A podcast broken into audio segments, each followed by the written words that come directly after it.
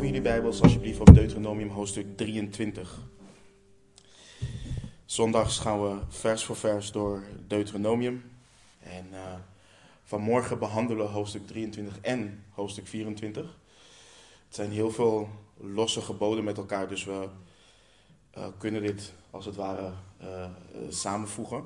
We hebben best wat, best wat versen, dus laten we bidden en vervolgens vers voor vers door, door de tekst heen gaan. Mocht je trouwens geen Bijbel bij je hebben, dan uh, zijn de leenbijbels beschikbaar. Dus steek je hand op en we voorzien je van, uh, van een leenbijbel. Laten we bidden.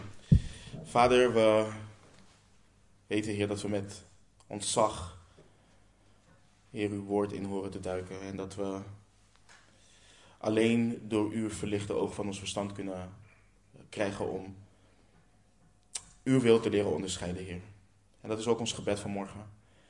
Heer, dat u, uh, dat u ons verstand opent, dat u ons inzicht geeft, wijsheid, uh, kennis, Heer, om te wandelen zoals u dat wilt, Heer. Opdat uw naam de eer en glorie krijgt wat het verdient uh, door ons leven heen. Dus doe alsjeblieft van boven natuurlijk werk. In de naam van onze Heer Jezus Christus. Amen. Laten we beginnen met lezen versen 1 uh, tot en met 8. Uh, Mozes gaat verder en we lezen daar het woord van de Heer. Iemand die door kneuzing aan het geslachtsdeel gewond is, of van wie het geslachtsdeel is afgesneden, mag niet in de gemeente van de Heer komen. Een bastaard mag niet in de gemeente van de Heer komen. Zelfs zijn nakomelingen van de tiende generatie mogen niet in de, in de gemeente van de Heer komen. Een Ammoniet of Moabiet mag niet in de gemeente van de Heer komen.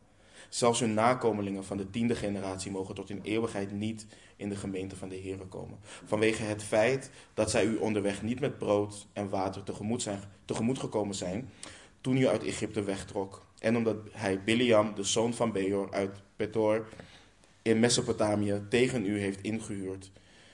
Uh, tegen u ingehuurd heeft om u te vervloeken. De Heere uw God echter wilde niet naar Biliam luisteren. Uh, maar de Heere uw God heeft de vloek voor u in een zegen veranderd, omdat de Heere uw God u lief had. U mag de vrede en het goede voor hen niet zoeken al uw dagen tot in eeuwigheid. U mag van de Edomiet geen afschuw hebben, want hij is uw broeder. U mag van de Egyptenaar geen afschuw hebben, want u bent een vreemdeling geweest in zijn land. Wat de kinderen betreft die bij hen geboren worden, de derde generatie, mag in de gemeente van de Heere komen. Wanneer we versen 9 tot en met 14 en dit ook koppelen aan de versen die we zojuist hebben gelezen, zien we dat dit onder andere te maken heeft met regels voor een heilige gemeenschap.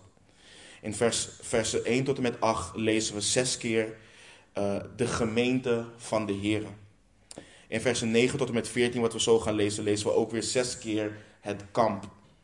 Zeven keer als je uw kamp in vers 14 ook meetelt.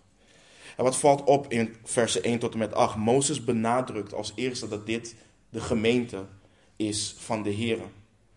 Eh, de gemeente is van de Heer en niet van Israël. Als Israël dat beseft, zullen ze handelen met eerbied en ontzag wat betreft de gemeente van de Heer. Dat is ook hoe wij ernaar dienen te kijken. Wij zijn een gemeente van de Heer Jezus Christus.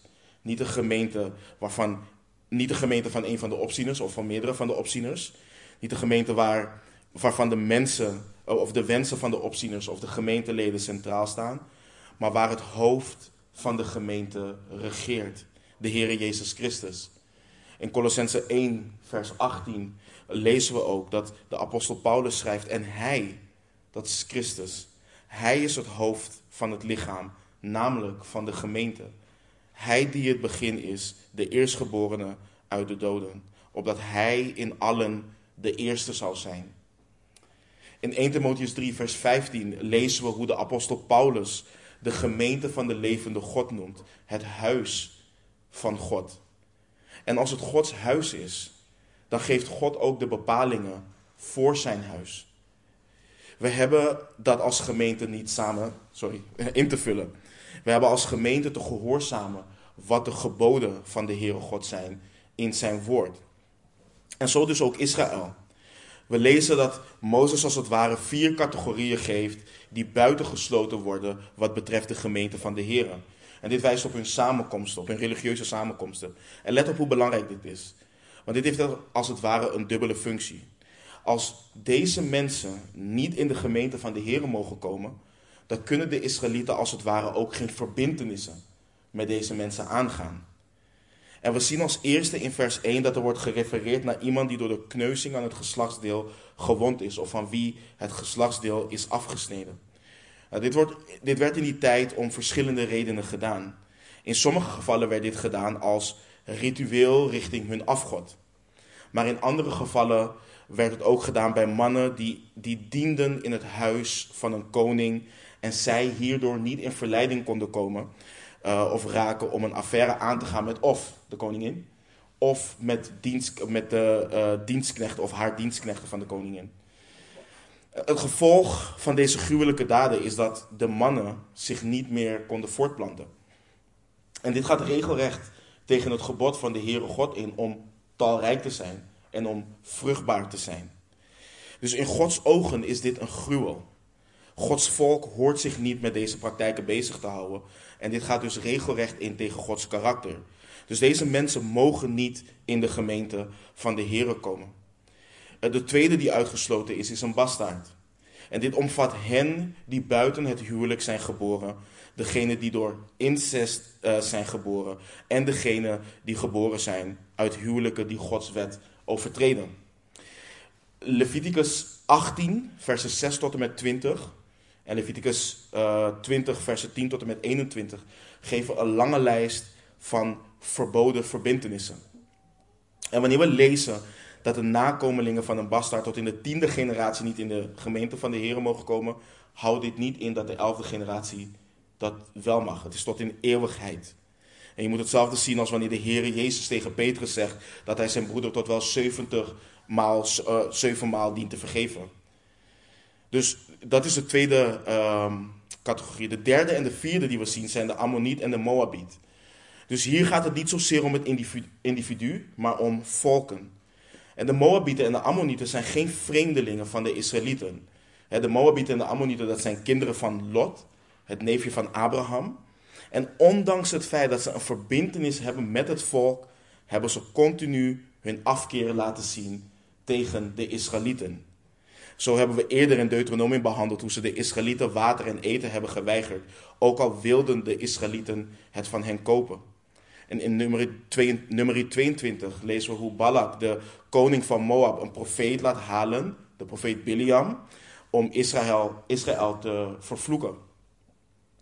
Maar Biliam mag van de Heere God geen vloek over hen uitspreken en wordt gedwongen juist om een zegen uit te spreken ehm, richting het volk. Ook hier lezen we dat hun nakomelingen tot in de tiende generatie niet in de gemeente van de Heere mogen komen. Waarom wordt Rut, ook een Moabiet, waarom wordt Rut uiteindelijk toch opgenomen in het volk van Israël? Pure genade. Dat is het. Pure en pure genade van de Heere God. En wat we moeten beseffen is dat de genade van God zijn heiligheid niet niet doet. Zijn genade doet zijn heiligheid niet te niet. Toen Naomi Rut wilde wegsturen, terug naar haar eigen land, terug naar haar goden, zei Rut tegen haar: Dring er bij mij niet langer op aan u te verlaten en terug te gaan bij u vandaan. Want waar u heen gaat, zal ik ook heen gaan. En waar u overnacht, zal ik ook overnachten. Uw volk is mijn volk en uw God, mijn God. God neemt hen aan die zich aan Hem onderwerpen, die zich aan Hem onderschikken. Dat zien we in het verhaal van Rut op een hele, hele prachtige wijze. Rut brak met haar eigen volk en haar eigen goden en ging de God van Israël navolgen en aanbidden. En uiteindelijk is Rut de Moabitische vrouw waaruit koning David en uiteindelijk ook de Heere Jezus zal voortkomen. En dit is nogmaals pure genade van de Heere God. En deze genade zie je uiteindelijk ook terugkomen bij de Ethiopische kamerheer in Handelingen 8. Want ook hij is een ontmande, ook hij is waarover geschreven wordt in vers 1. En, maar voor de genade van de soevereine God, maar de, door de genade van de soevereine God, heeft God hem voorbestemd om aangenomen te worden uh, als zijn kind. En deze genade is niet opeens zomaar uit de lucht komen vallen. Dit is in lijn geweest met de profetie van de profeet Jesaja. In Jesaja 56 lezen we vanaf vers 3 tot en met 8. Laat de vreemdeling die zich bij de Heere gevoegd heeft niet zeggen: De Heere heeft mij geheel en al van zijn volk gescheiden. Laat de ontmande niet zeggen: Zie, ik ben maar een dorre boom. Want zo zegt de Heere over de ontmanden die mijn sabbaten in acht nemen. Verkiezen wat mij behaagt en vasthouden aan mijn verbond. Ik zal hun in mijn huis en binnen mijn muren een plaats en een naam geven. Beter dan die van zonen en dan die van dochters. Een eeuwige naam zal ik ieder van hen geven. Een naam die niet uitgewist zal worden. En de vreemdelingen die zich bij de Heere voegen om hem te dienen en om de naam van de Heere lief te hebben, om hem tot, de, om hem tot dienaren te zijn, allen die de Sabbat in acht nemen, zodat zij hem niet ontheiligen en die aan mijn verbond vasthouden, hen zal ik ook brengen naar mijn heilige berg en ik zal hen verblijden in mijn huis van gebed. Hun brandoffers en hun slachtoffers zullen welgevallig zijn op mijn altaar, want mijn huis zal een huis van gebed genoemd worden voor alle volken. De Heere Heere, die de verdrevenen uit Israël bijeenbrengt, spreekt. Ik zal er tot hem nog meer bijeenbrengen, naast hen die al tot hem bijeengebracht zijn. En we zien in de Heere Jezus hoe vreemdelingen, heidenen, ontmanden, verzoend worden met de levende God. We zien in handelingen hoe dat gebeurt en vandaag de dag om, om ons heen nog steeds. Dat men door Christus verzoend kan worden met de Heere God, houdt niet in dat de heiligheid van de Heere God niet gedaan is. Zoals bijvoorbeeld ook het avondmaal alleen te nuttigen door hen die in en door het verbond van de Heere Jezus Christus met God leven. We lezen dat Mozes vervolgens ook zegt dat de Israëliet, uh, dat Israël van de Edomiet geen afschuw mag hebben. Dit zijn de kinderen van Esau, de tweelingbroer van Jacob. En de Egyptenaar mag dit ook niet, want ze zijn zelf vreemdelingen in het land Egypte geweest. En de volgende versen leren ons over de puurheid van het volk in het kamp, wat verwijst naar hun leger. Vanaf vers 9 lezen we. Wanneer het leger uittrekt tegen uw vijanden, moet u op uw hoede zijn voor elke kwalijke zaak. Wanneer er onder u iemand is die niet rein is door iets wat s'nachts per ongeluk is gebeurd, dan moet hij buiten het kamp gaan. Hij mag niet binnen het kamp komen. En tegen het vallen van de avond moet het zo zijn dat hij zich met water wast en als de zon ondergegaan is, mag hij weer binnen het kamp komen. U moet ook een plaats hebben buiten het kamp. Daar moet u naartoe gaan buiten het kamp. U moet bij uw uitrusting ook een schepje hebben. En het moet zo zijn dat u daarmee een gat graaft wanneer u buiten het kamp gaat zitten. Daarna moet u zich omkeren en uw uitwerpselen bedekken. Want de Heere, uw God, wandelt binnen uw kamp om u te redden en uw vijanden aan u over te geven. Daarom moet uw kamp heilig zijn, opdat hij niet, niet iets schandelijks bij u ziet en zich van u afkeert. We zien in deze versen dat God, hij, hij bekommert zich om alles. Maar we zien ook hoe heilig hij is. Hij is in hun midden. Hij gaat voor hun uit in de strijd. Dus zij dienen heilig en rein voor zijn aangezicht te zijn. En we zien twee situaties die hier worden uitgelegd. Mozes heeft het iets wat s'nachts per ongeluk is gebeurd. De grondtekst leert ons dat het hier gaat om zaadlozing, wat in vele vertalingen ook wordt gebruikt. Soms ook wel spontane zaadlozing, wat de Bijbel ons leert. En als dit zou gebeuren, zou de man onrein zijn. Nou, we lezen hier ook bijvoorbeeld over in Leviticus 15, versen 16 tot en met 18. Daar zegt Mozes, ehm, wanneer een man een zaadlozing heeft gehad, moet hij zijn hele lichaam met water wassen. En hij is onrein tot de avond. Verder moet elk kledingstuk en elk leren voorwerp waarop het zaad van de lozing terecht is gekomen, met water gewassen worden. En het is onrein tot de avond. En als een vrouw met een man geslapen heeft en er, en er, heeft, een, en er heeft een zaadlozing plaats gehad, moeten zij zich met water wassen en zij zijn onrein tot de avond. Het is belangrijk om te weten dat ze niet onrein zijn vanwege zonde. Dit heeft te maken met ceremoniële uh, onreinheid. En waarom de Heere God dit zo heeft bepaald, is omdat Hij heilig is. Het hoorde hen, maar ook ons vandaag te doen beseffen en te denken hoe heilig de Heere God is en hoe wij dat niet zijn. Het laat zien hoe gevallen wij zijn, maar ook hoe genadig de Heere God is. Het hoort ontzag voor Hem te doen opwekken in onze harten. En hoewel er geen directe toepassing is van het principe van ceremoniële zuiverheid op ons vandaag, worden sommige principes geïmpliceerd door de leer hier. Plaatsen waar God woont, waar God is, mogen geen dingen hebben die niet bij God passen. Wij mogen en horen niets te doen wat het huis van God verontreinigt. Dit heeft niet te maken per se met een gebouw waar we samenkomen, alhoewel we dat ook meenemen in beschouwing waar we samenkomen. Maar dit geldt dus niet alleen voor, het, voor de gemeente, voor het lichaam van Christus in het geheel, maar ook voor onze lichamen. In 1 Korinthe 3, vers 16 leert Paulus, en hij vraagt dit op retorische wijze: Weet u niet dat u Gods tempel bent en dat de geest van God in u woont?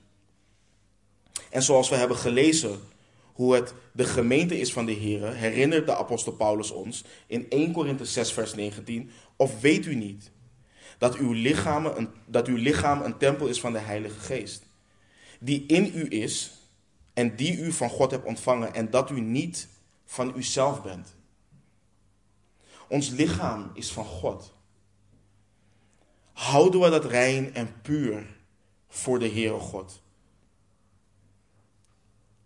Waar luisteren we naar? Waar kijken we naar? Waar laten we ons mee in? Als we daadwerkelijk ontzag hebben voor de Heere God, dan is het huis van God een huis van gebed. Dat is wat de Heere Jezus zei, dat het huis van zijn vader een huis van gebed is. Als we heilig voor de Heere willen leven, dan laten we het woord van Christus in rijke mate in ons wonen. We laten het ons schoonwassen, reinigen, heiligen. Want broeders en zusters, we zijn een uitverkoren geslacht een koninklijk priesterschap, een heilig volk. Een volk dat God zich tot zijn eigendom maakte. En het is Gods wil dat een ieder zijn lichaam, de tempel van God, weet te bezitten in heiligheid en eerbaarheid. En niet in hartstochtelijke begeerten, zoals de heidenen die God niet kennen. We hadden het vorige week over bijvoorbeeld gemeenschap buiten het huwelijk. Dat is iets wat hieronder valt. En hoe vaak staan wij hierbij stil? Kan je niet zeggen hoe vaak de charismatische kerk hierbij stilstaat. Ze staan erbij stil in de zin van, hé, hey, de Heilige Geest woont in ons. Dus we hebben, we hebben gaven, dan gaan we blaffen, dan gaan we rollen, dan gaan we al dat soort rare dingen doen. Maar hoe zit het met reinheid? Hoe zit het met puurheid?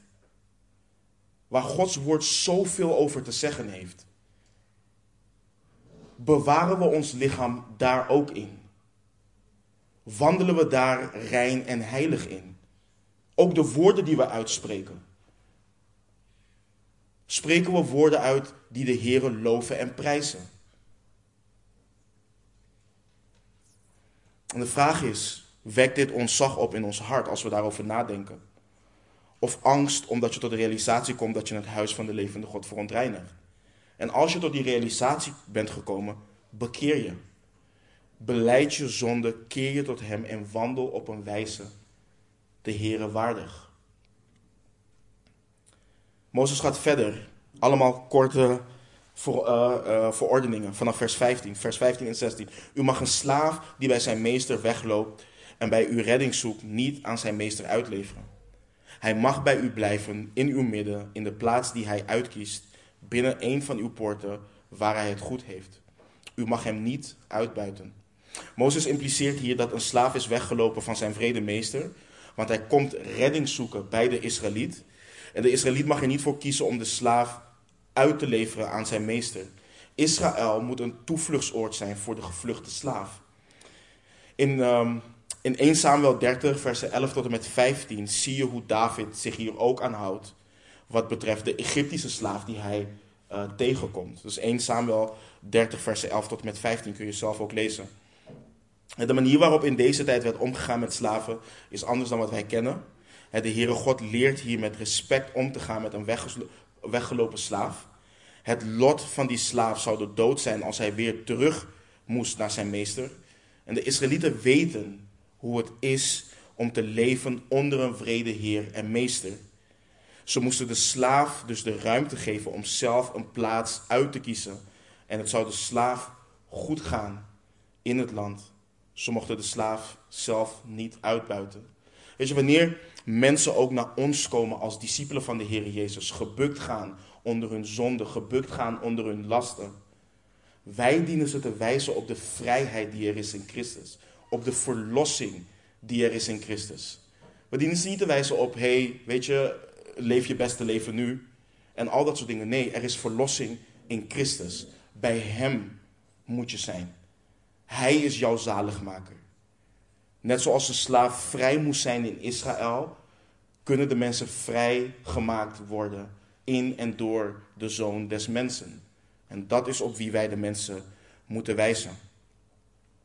In vers 17 en 18 lezen we: Er mag onder de dochters van Israël geen hoer zijn. Er mag geen schandknaap zijn onder de zonen van Israël. U mag geen hoerenloon of hondengeld in het huis van de Heere, uw God, brengen ter inlossing van welke gelofte dan ook. Want die zijn beide een gruwel voor de Heere, uw God. Mozes verwijst hier naar wat in die tijd, eh, niet alleen in die tijd, het bleef niet alleen in die tijd, in, in, handelingen, ehm, in de tijd van handelingen zien we dat ook, tempelprostitutie. Iets wat heel normaal was voor de Canaanieten. En niet alleen voor hen, voor veel heidense volken. Schandknapen zijn de mensen die zichzelf lichamelijk verkopen aan zowel mannen als vrouwen. Dus dat is de mannelijke tegenhanger ervan. En in deze tijd en cultuur werden schandknapen ook wel honden genoemd. Uh, vandaar dat Mozes het ook heeft over hondengeld. Je zou je kunnen afvragen waarom Mozes dit moet gebieden. Mozes kent dit volk. Hij weet hoe arglistig hun hart is. En de waarschuwing is niet voor niets geweest. In Hosea lezen we namelijk het volgende. Hosea 4, vers 14. Ik zal niet meer omzien naar uw dochters, omdat zij hoererij bedrijven. En naar uw schoondochters, omdat zij overspel plegen. Want zij zonderen zichzelf af met de hoeren. Zij offeren met de tempelhoeren. Zo zal het volk dat geen inzicht heeft ten val komen. Israël had gemeenschap met deze mensen, ondanks de waarschuwingen van Mozes. En God wil geen offer van deze mensen. De Heere God neemt het niet aan. Let op wat Spreuken 15, vers 8 ons leert. Het offer van goddelozen is voor de Heere een gruwel. Maar het gebed van oprechte is hem welgevallig. Het maakt niet uit wat je geeft. En het maakt ook niet uit hoeveel je geeft. Als het op schandelijke wijze is verkregen, heeft de Heere God er geen welbehagen in. Het gaat er dus niet alleen om dat je geeft, maar dat we dat oprecht doen. Met een zuiver hart en met rein geweten. Meerdere malen zien we in het Oude Testament dat de Heere God zijn welbehagen niet had in de offers van zijn volk. En het waren offers die hij zelf had ingesteld. Waarom had hij zijn welbehagen er niet in? Omdat ze ongehoorzaam waren. Omdat ze hem in hun hart verlaten hadden. Ze deden wat ze moesten doen, maar ze hadden geen ontzag voor de Heere God. Ze hadden geen liefde voor Hem. En laten wij waken in ons hart hiervoor. Laten wij ons niet schuldig maken aan lippengodsdienst. Ik kan je niet vertellen hoe vaak ik mensen ben tegengekomen die roemden. Roemen in het feit dat ze tiende gaven aan de kerk. Maar in hun hart waren ze verbitterd. In hun hart konden ze hun broeders en zusters niet verdragen, niet liefhebben. En dat is hypocrisie. Denk aan onder andere Ananias en Safira. Als het alleen zou gaan om het geven, dan had de Heere God hen niet veroordeeld. Dan had hij niet geoordeeld over hen. Maar ons offer kan God alleen welgevallig zijn als het in geloof en in gehoorzaamheid aan Hem gegeven wordt. In vers 19 en 20 gaat Mozes verder. Dan zegt hij: U mag van uw broeder geen rente vragen. Rente over geld, rente over voedsel of rente over enig ding waarover men rente betaalt. Van de buitenlander mag u, geen, van de buitenlander mag u rente vragen, maar van uw broeder mag u geen rente vragen, opdat de Heere uw God u zegent in alles wat u ter hand neemt in het land waar u naartoe gaat om het in bezit te nemen. Wanneer we dit gebod lezen, moeten we denken aan waarom zou een broeder lenen. Er zou in Israël overvloed zijn. Dus de broeder die komt lenen is waarschijnlijk arm geworden en verkeerd in nood. En we kunnen er niet van uitgaan dat iemand komt lenen omdat hij hebzuchtig is en meer wil dan hij al heeft. Als je rente vraagt aan iemand die arm is geworden en komt lenen, maak je de situatie voor die persoon alleen maar erger. En de Heere God heeft hen juist een land gegeven wat overvloeit van melk en honing.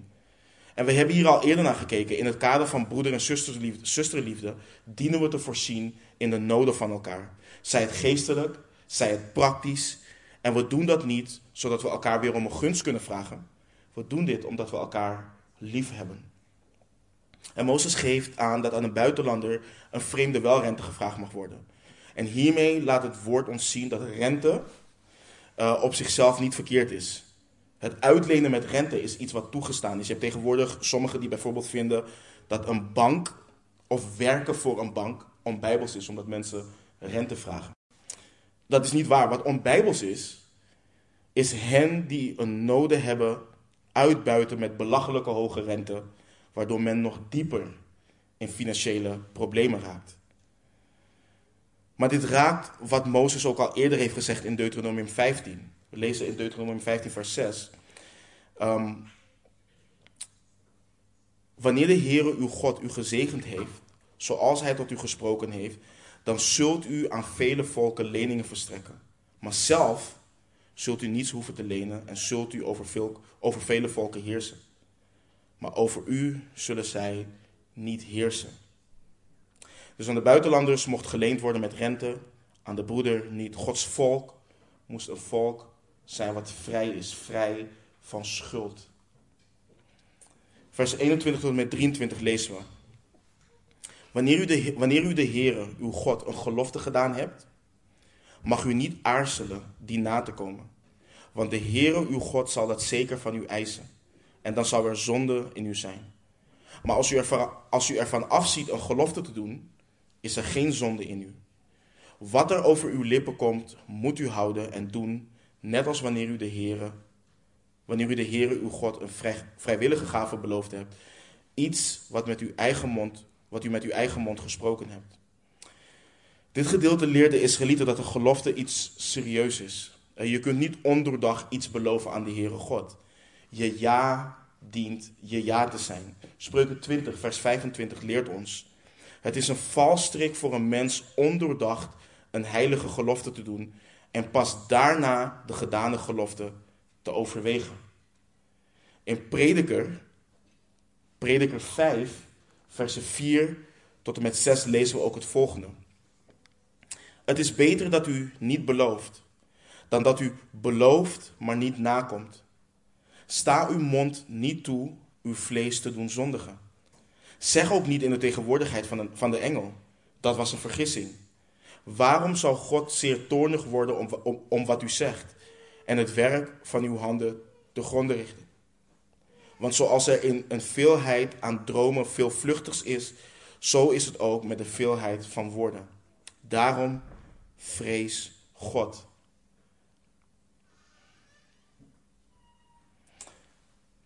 Als wij loze beloften doen, heeft dat te maken met een gebrek aan ontzag voor de Heere God.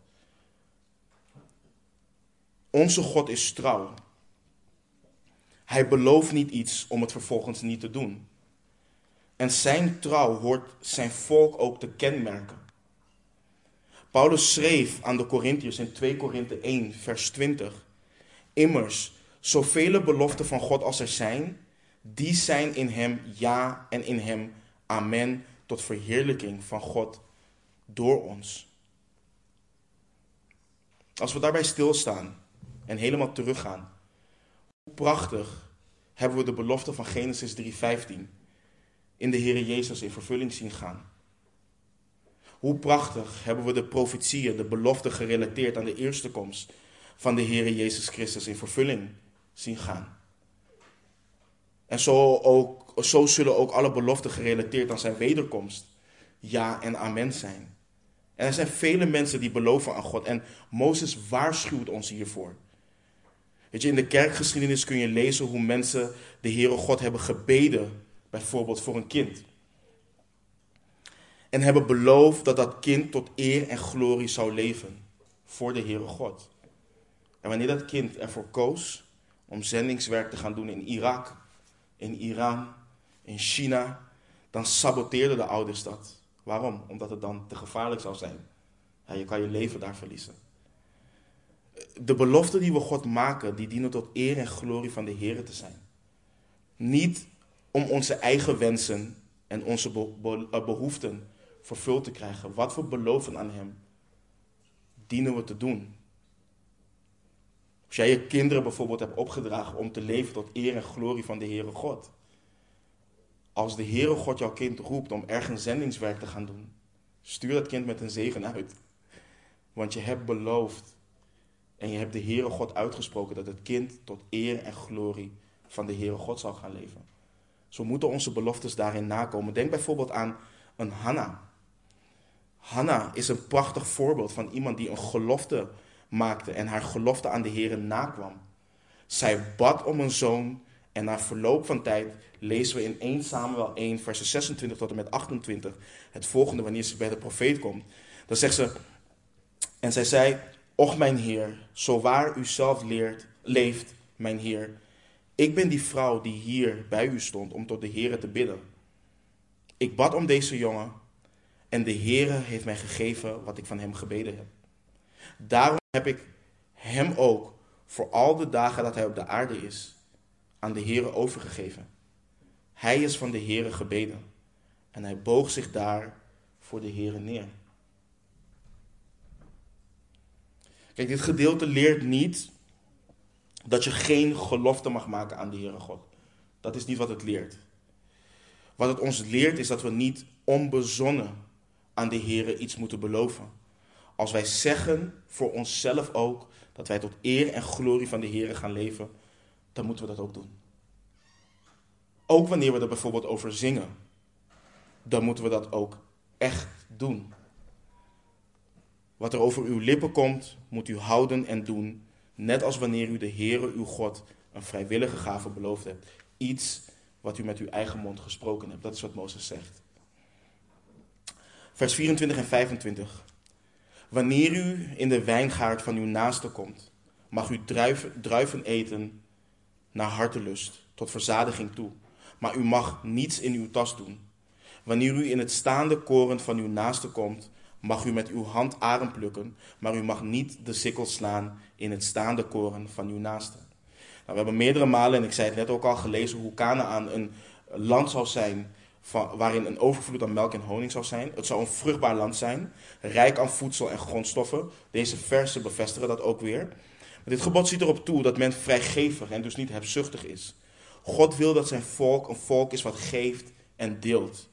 En wanneer Gods volk staat op zijn eigendom, en wanneer we staan op, hey, dit is van mij, en ik wil niet delen, laat het eigenlijk zien dat het volk nog arm is. Het doet denken aan wat Paulus aan de Corinthiërs in 1 Korinthe 4 schreef. En wat hebt u dat u niet hebt ontvangen? Of wanneer Jacobus schrijft in Jacobus 1 vers 17. Elke goede gave en elk volmaakt geschenk is van boven en daalt neer van de Vader der lichten, bij wie er geen verandering is of schaduw van omkeer. En we hebben overigens wel stilgestaan, dat is ook belangrijk om dat weer te benoemen, bij het feit dat er in Deuteronomium meerdere malen wel wordt gewezen op respect en erkenning van andermans eigendom. Dus de eigenaar van de wijngaard moet er rekening mee houden dat er iemand kan zijn die naar hartelust eet van de druiven, maar die persoon die daarvan eet, mag er niets van in zijn tas doen. Hij mag dat niet voor zichzelf houden. Hij mag dat niet voor zichzelf roven. Hoofdstuk 24, versen 1 tot en met 4.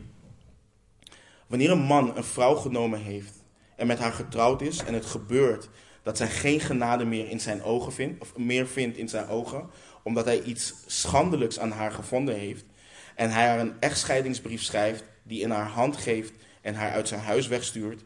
En als zij dan uit zijn huis vertrekt, weggaat en de vrouw van een andere man wordt, en die laatste man ook een afkeer van haar krijgt, haar een echtscheidingsbrief schrijft, die in haar hand geeft en haar uit zijn huis wegstuurt, of als die laatste man die haar voor zichzelf tot vrouw genomen heeft sterft, dan mag haar eerste man die haar heeft weggestuurd haar niet terugnemen om hem tot vrouw te zijn, nu zij onrein geworden is. Want dat is voor het aangezicht van de Heer een gruwel. U mag geen zonde brengen over het land dat de Heere uw God u als erfelijk bezit geeft. Belangrijk om te onthouden is dat deze tekst ons niet ehm, leert wanneer echtscheiding wel of niet is toegestaan. Daar gaat deze tekst niet over. Wat we onder andere zien is dat, eh, in deze tekst is dat scheiding wordt ontmoedigd. De Heer Jezus heeft in Matthäus 19 ook duidelijk gemaakt dat dit niet de bedoeling van God is geweest. Maar dat dit gegeven is vanwege de hardheid van hun hart. We lezen de woorden van de Heer in Matthäus 19 vanaf vers 3. Daar lezen we, en de fariseeën kwamen, kwamen naar hem toe om hem te verzoeken en zeiden tegen hem, is het een man toegestaan zijn vrouw om allerlei redenen te verstoten? En hij antwoordde en zei tegen hen, hebt u niet gelezen dat hij die de mens gemaakt heeft, hen van het begin af mannelijk en vrouwelijk gemaakt heeft? En gezegd heeft, daarom zal een man zijn vader en moeder verlaten en zich aan zijn vrouw hechten. En die twee zullen tot één vlees zijn. Zodat zij niet meer twee zijn, maar één vlees. Dus wat God samengevoegd heeft, laat de mens dat niet scheiden. Zij zeiden tegen hem, waarom heeft Mozes dan geboden een echtscheidingsbrief te geven en haar te verstoten?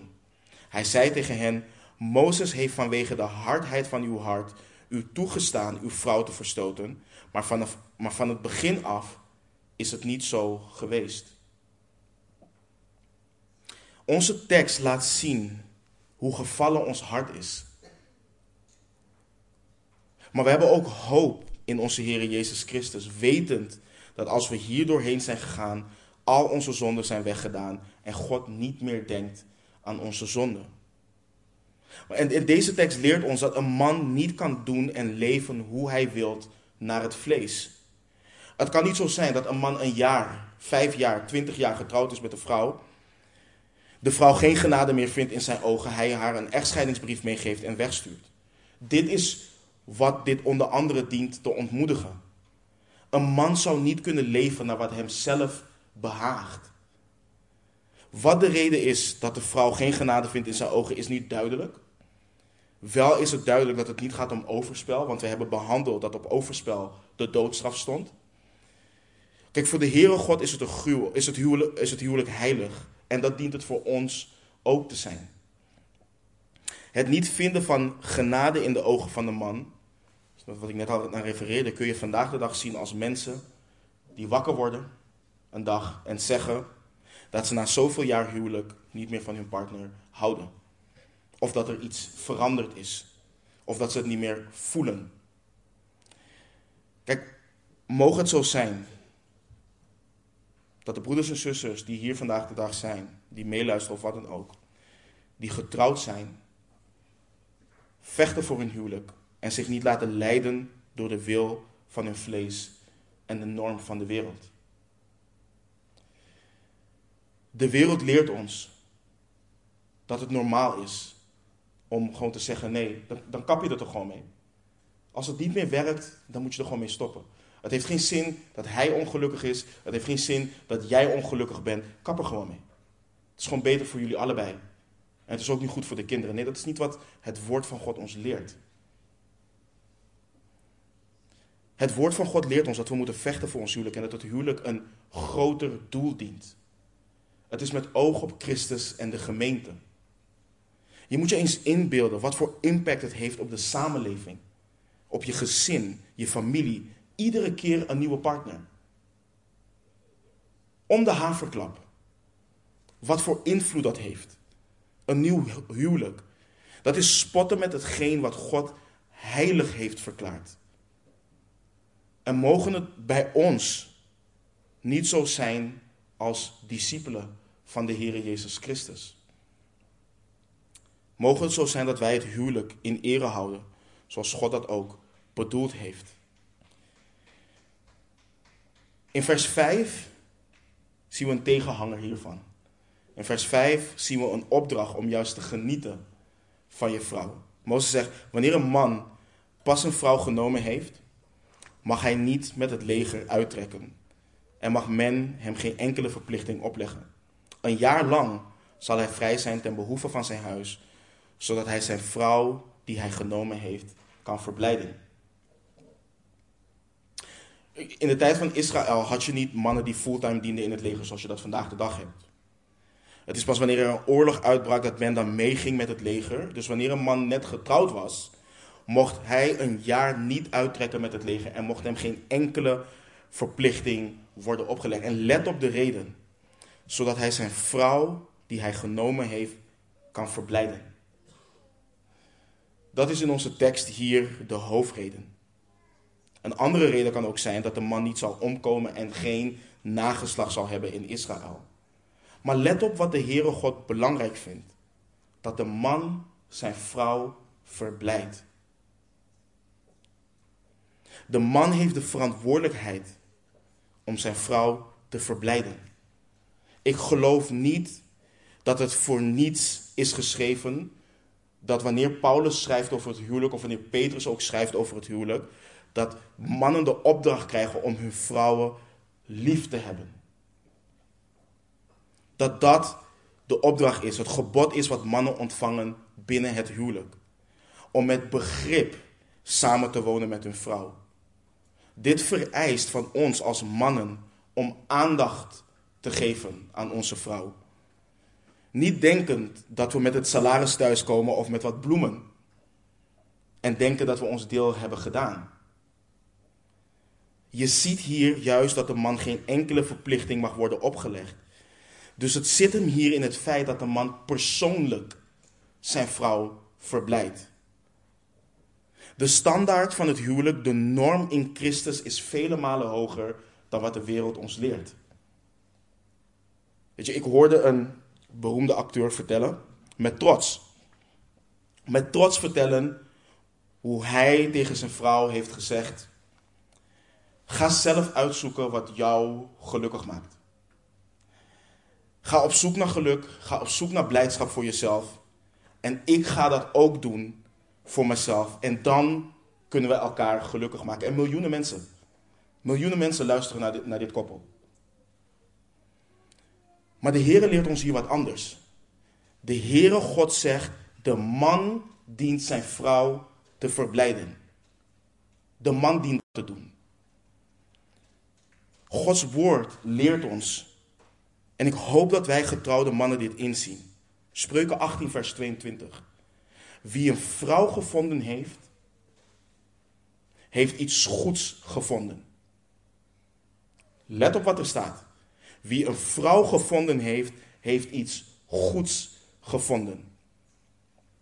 Wat lazen we net in Jacobus 1, vers 17? Elke goede gave en elk volmaakt geschenk is van boven en daalt neer van de Vader der lichten, bij wie geen verandering is of schaduw van omkeer. Dus nogmaals, wie een vrouw gevonden heeft, heeft iets goeds gevonden en de goedgunstigheid van de Heere verkregen. Verheug je in het goede wat je hebt gevonden en het feit dat je de goedgunstigheid van de Heere hebt verkregen.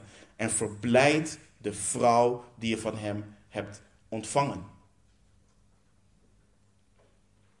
Paulus schrijft ook aan de Corinthiërs in 1 Korinthe 7 vers 33 dat de getrouwde zijn zorg wijdt aan de dingen van de wereld.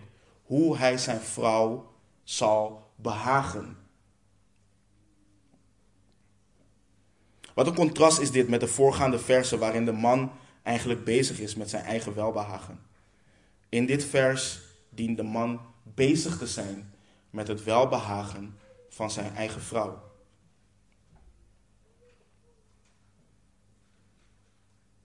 We gaan nu weer door wat losse voorschriften die Mozes geeft.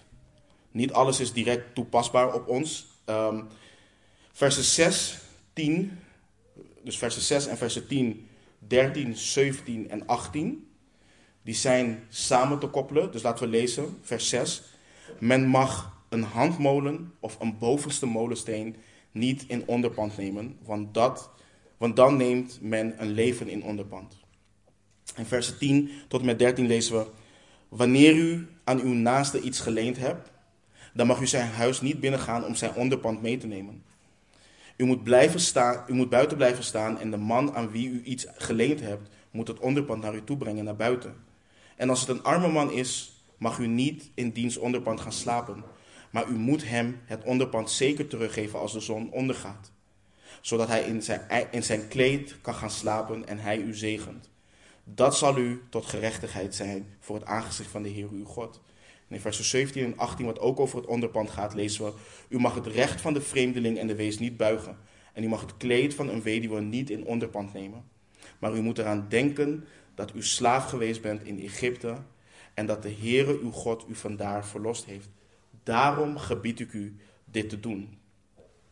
Vanaf vers 6 zie je dat het belang van de broeder voorop staat. Dat hebben we door Deuteronomium vaker al gezien. Maar vanaf dit gedeelte, vanaf, uh, vanaf dit gedeelte tot vers 16 van hoofdstuk 25 gaan de geboden over het belang van hun naaste. In de versen zojuist gelezen gaat het specifiek over het onderpand van een broeder of van een weduwe. En we hebben al eerder gezien hoe een broeder in nood zou kunnen verkeren, dat hij tot een lening zou over moeten gaan. Nou, de broeder die uitleent, zou iets als onderpand kunnen nemen van zijn eigen broeder. Nou, wat we hier zien, is dat de Heere God wel beperkingen geeft in wat als onderpand mag worden genomen en wat niet. In dit, geval, in dit geval wordt er onder andere gesproken over een molensteen. Een molensteen is een ronde steen wat gebruikt wordt om onder andere graan te malen. En je moet je eens voorstellen. Je broeder komt naar je toe om graan te lenen. Dan kan de molensteen niet als onderpand genomen worden, want hij heeft de molensteen nodig om het graan wat hij geleend heeft te malen en te kunnen gebruiken om zichzelf te voorzien van voedsel. Dus dit gebod spreekt hier niet over de waarde van het object wat in onderpand wordt genomen, maar juist wat de betekenis ervan is in gebruik, in gebruik van het object voor de broeder. Israël dient te onthouden dat zij zelf slaaf zijn geweest in Egypte. En dat is ook de reden waarom Mozes hen dit gebod geeft, of deze geboden geeft. Vers 7 lezen we. Wanneer er iemand ontdekt wordt die iemand van zijn broeders, een van de Israëlieten, ontvoert en hem als slaaf behandelt en hem verkoopt, dan moet de ontvoerder sterven. Zo moet u het kwaad uit uw midden wegdoen. Je ziet hier continu hè, een groot verschil in hoe Israël met de broeders diende om te gaan. De liefde die er getoond diende te worden aan broeders. Vergeet niet, ik blijf het herhalen. Israël is een vrij volk. Het mag niet zo zijn dat een broeder wordt ontvoerd en als een slaaf wordt verkocht. Dit is een groot kwaad in de ogen van de Heer. Daarom staat hier ook de doodstraf op. Een Israëliet behoort de Heere God toe. Geestelijk gezien heb je vandaag de dag mensen die ook anderen geestelijk ontvoeren en slaven maken van zichzelf. We zien dit bijvoorbeeld in de geschiedenis van de katholieke kerk en de praktijken van de katholieke kerk. Eh, daar is niet Christus de enige middelaar tussen God en mensen, maar de paus, de priester, de bisschop. Um, men las in die tijd vroeger niet zelf de Bijbel, maar was afhankelijk van wat de priester zelf ging verkondigen. Maar je ziet dit bijvoorbeeld ook in de charismatische beweging heel erg terug. Waarin men jaagt op hen die jong zijn in het geloof, zwak zijn in het geloof, en hen weglokken bij Christus vandaan en hen afhankelijk maken van een of andere leider. Hoe vaak zie je bijvoorbeeld niet die bevrijdingsdiensten? Daar komt een, een of andere eh, zelfbenoemde apostel komt, een of andere zelfbenoemde profeet komt. En wat heb je dan nodig? Nee, je hebt niet het woord van God nodig. Je hebt niet Christus nodig. Je hebt de salving van die ene man nodig om bevrijd te worden. Het is niet, nee, als de zoon des mensen je vrij heeft gemaakt, bent u werkelijk vrij. Nee, apostel Huppel de Pup moet ook nog zijn salving eroverheen gooien. En wanneer er twee, drie maanden, vier, vijf maanden voorbij zijn gegaan en je weer in een slomp terecht bent gekomen, dan moet je terug naar apostel Huppel de Pup. Niet naar de Heer Jezus Christus. En zo zie je hoe mensen gewoon gegijzeld worden door zelfbenoemde leiders. Een ware leider wijst mensen altijd op het woord van de Heer. Wijst mensen op de Heer Jezus Christus. Je moet zelf het woord van God ingaan. En niet afhankelijk worden van een of andere opziener. Deze ontvoerder kun je zien als de dief, de rover, waar de Heer Jezus over spreekt in Johannes 10. Deze mensen komen om te stelen, te slachten en verloren te laten gaan. Maar onze goede herder, hij is juist gekomen om vrij te maken. En dat is wat wij voor ogen moeten houden. In versen 8 en 9 lezen we dat Mozes zegt: Wees op uw hoede voor de ziekte van de melaatsheid, door bij bijzonder nauwlettend te handelen overeenkomstig alles wat de Levitische priesters u leren. U moet nauwlettend handelen zoals ik hun geboden heb. Denk aan wat de Heere uw God onderweg met Mirjam gedaan, gedaan heeft toen u uit Egypte vertrok. In Leviticus 13 en 14 staat uitgebreid geschreven hoe de Heere God wilde dat er met melaatsheid omgegaan werd. Hoe de mensen in quarantaine moesten, hoe ze onderzocht dienden te worden. Hier waarschuwt Mozes juist om waakzaam te zijn dat er geen verdere uitbraak onder hen plaatsvindt. Melaatsheid is vaak een beeld ehm, voor de zonde in, in, in Gods woord en hoe het verspreidt, hoort ons ook waakzaam te doen zijn in hoe zonde onder ons kan verspreiden. Daarom moet er gehandeld worden overeenkomstig alles wat de Levitische priesters leren. In ons geval is het, wat zegt Gods woord hierover? Wat heeft God over deze specifieke zonde gezegd? Hoe dienen we hiermee om te gaan? Hoe dienen we op te treden tegen deze zonde? Wat zegt God hierover? En Mozes herinnert hen, aan Mirjam, zijn eigen zus. Zij is in opstand gekomen ze was jaloers op Mozes en begon te morren tegen hem. We lezen daarover in nummer 12. En wat was het resultaat hiervan? Mirjam werd melaats. Mozes bad tot de Heere God en vroeg om genade. Maar Mirjam moest zeven dagen buiten het kamp blijven. En zeven dagen lang brak het volk van God niet op. Ik heb, en ik heb het vaak gezegd: het resultaat van iemands zonde is niet alleen tucht en het feit dat iemand de zegen mist door geen deel te nemen aan de fellowship, aan de gemeenschap. Je ziet dat heel het volk zeven dagen niet opbrak. Dit raakt de hele gemeente. Dat is iets wat we altijd moeten beseffen. Onze eigen zonde heeft ook invloed op de rest van de gemeente. Als je de brieven aan de gemeente in openbaring leest, dan zie je ook hoe de Heer Jezus de gemeente aanspreekt op de zonde van bepaalde mensen. En zo kan dat ook in ons geval zijn. Dus dit raakt de hele gemeente. In versen 14, 15 en 19 tot met 22 ehm, lezen we nog enkele geboden om de armen en kwetsbaren te beschermen. Vers 14 en 15 lezen we: U mag de arme en behoeftige dagloner, iemand van uw broeders of van de vreemdelingen die in uw land, uw poorten is, niet onderdrukken. Op dezelfde dag moet u hem zijn loon geven. De zon mag er niet over ondergaan want hij is arm en hij verlangt ernaar. Laat hij niet vanwege u de Heer hoeven aanroepen, want dan zal er zonde in u zijn. In vers 19 tot met 22 lezen we: Wanneer u de oogst op uw akker hebt binnengehaald en u bent een schoof op de akker vergeten, dan mag u niet terugkeren om die op te halen. Hij is voor de vreemdeling, de wees en de weduwe. Dan zal de Heere uw God u zegenen in al het werk van uw handen. Wanneer u uw olijven afslaat, mag u de takken daarna niet nauwkeurig afzoeken. Het is voor de vreemdeling, de wees en de weduwe. Wanneer u uw wijngaard leeggeplukt hebt, mag u hem daarna niet nauwkeurig nalopen. Het is voor de vreemdeling, de wees en de weduwe. U moet eraan denken dat u slaaf geweest bent in het land Egypte. Daarom gebied ik u dit te doen. Vers 14 en 15 wordt gesproken van iemand die eerlijk zijn geld heeft verdiend. Er wordt hier niet gesproken van een schuld. Als werkgever diende de Israëliet, of het nou een broeder of een vreemdeling was, op tijd te geven waar de werknemer recht op had. De apostel Paulus herinnert hier ook aan in Colossense 4, vers 1. Heren, behandel uw slaven rechtvaardig en op gelijke wijze. U weet immers dat ook u een Heere hebt in de hemelen. De Heere God neemt het op voor de zwakken. Hij neemt het op voor de armen en kwetsbaren. En er wordt verwezen naar hun eigen staat in het verleden. We zien dat in vers 22. De, de Israëliet dient te voorzien in de noden van de ander. Ook al gaat het ten koste van hemzelf. Ook al kost het hem iets. En ook al komt het hem niet goed uit. En zo worden wij herinnerd aan hoe de Heer ons tegemoet is gekomen in onze zonde. Hij heeft zichzelf gegeven. En God heeft Israël barmhartigheid bewezen en net zoals de Israëliet barmhartig, barmhartig diende te zijn richting vreemdelingen, de wees en de weduwe, dienen wij barmhartigheid te tonen aan onze naasten. Want ook wij waren vreemdelingen. Ook wij waren zonder hoop. En die hoop kunnen we ook doorgeven aan de mensen om ons heen. Als je in je Bijbel met, ik heb hem niet op het scherm, maar als je in je Bijbel meegaat naar Titus 3, dan lees je waarin Paulus ook herinnert aan onze staat. Wat wij waren.